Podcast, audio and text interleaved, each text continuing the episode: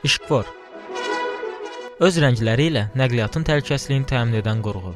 Gündəlik həyatımızın demək olar ki, ayrılmaz hissəsi olan bu qurğu və onun yaranması tarixi haqqında görəsən nə bilirik? İlk dəfə küçədə işqfor 1868-ci ildə Londonda İngilis parlamenti yaxınlığında quraşdırılıb. Onu İngilis mühəndisi John Picknight fikirləşib. Küçə işqforunun prototipi dəmir yollarında işlədilən işqfor olub. O zamana qədər dəmir yolunda bu cihazdan uzun müddət idi istifadə olunurdu. İngilis parlamenti binasının önündə quraşdırılan ilk işqfor mexaniki idi və kəmərlərin vasitəsilə əllə dəyişdirilirdi. Bunun üçün işqforun yanında xüsusi polis nəfəri növbə çəkirdi. İşqfor işə salınmamışdan öncə hansı rəngin nəyə işarə olması barədə şəhər sakinlərini məlumatlandırmaq lazım olduğundan işqforun qaydaları London qəzetlərində çap olundu və şəhər sakinlərinin diqqətinə çatdırıldı. Bir müddət sonra cihaz qaz fənərlə təchiz olundu. Belə olduqda işqforu gecə qaranlığında görmək imkanı yaranırdı.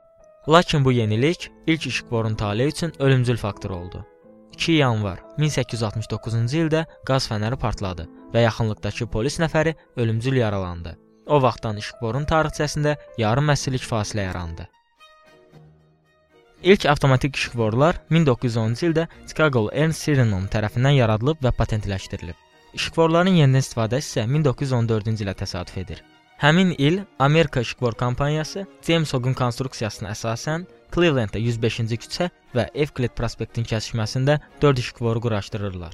Amma bu işqforlar da London ləzzatları kimi iki işıq siqnalına malik idilər: qırmızı və yaşıl.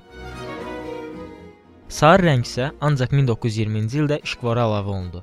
Üç rəngli işqforlar ilk dəfə Detroit və New Yorkda quraşdırılıb.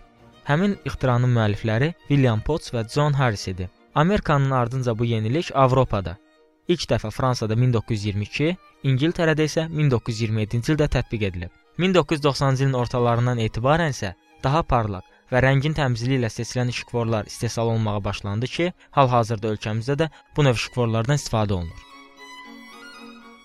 Lakin işıqfordakı dəyişikliklər bununla yekunlaşmır. Gözdən əllər nəzərə alınaraq Koreyada səsli işıqforlar ixtira olundu. Bu qurğu qısa vaxtda Avropada geniş yayıldı. Türkiyədə isə 1994-1995-ci illərdə uğurla tətbiq olundu. Ölkəmizdə bu tipli işıqforlar bir müddət öncə Ağa Nemətullah, Fətəli xan Xoyski və digər küçələrdə quraşdırılsa da ardı gəlmədi. Hal-hazırda səsli işıqfor siqnallarının quraşdırılması Daxili İşlər Nazirliyinin Baş Dövlət Yol Polisi İdarəsinə həvalə olunub. Sürücü və piyada arasında yol mədəniyyətini tənzimləyən işıqforlar eyni zamanda ölkədə qəza sayının azalmasında da mühüm rol oynayır. Əjdər Hüseynov, Gənclərin Səsi Radiosu.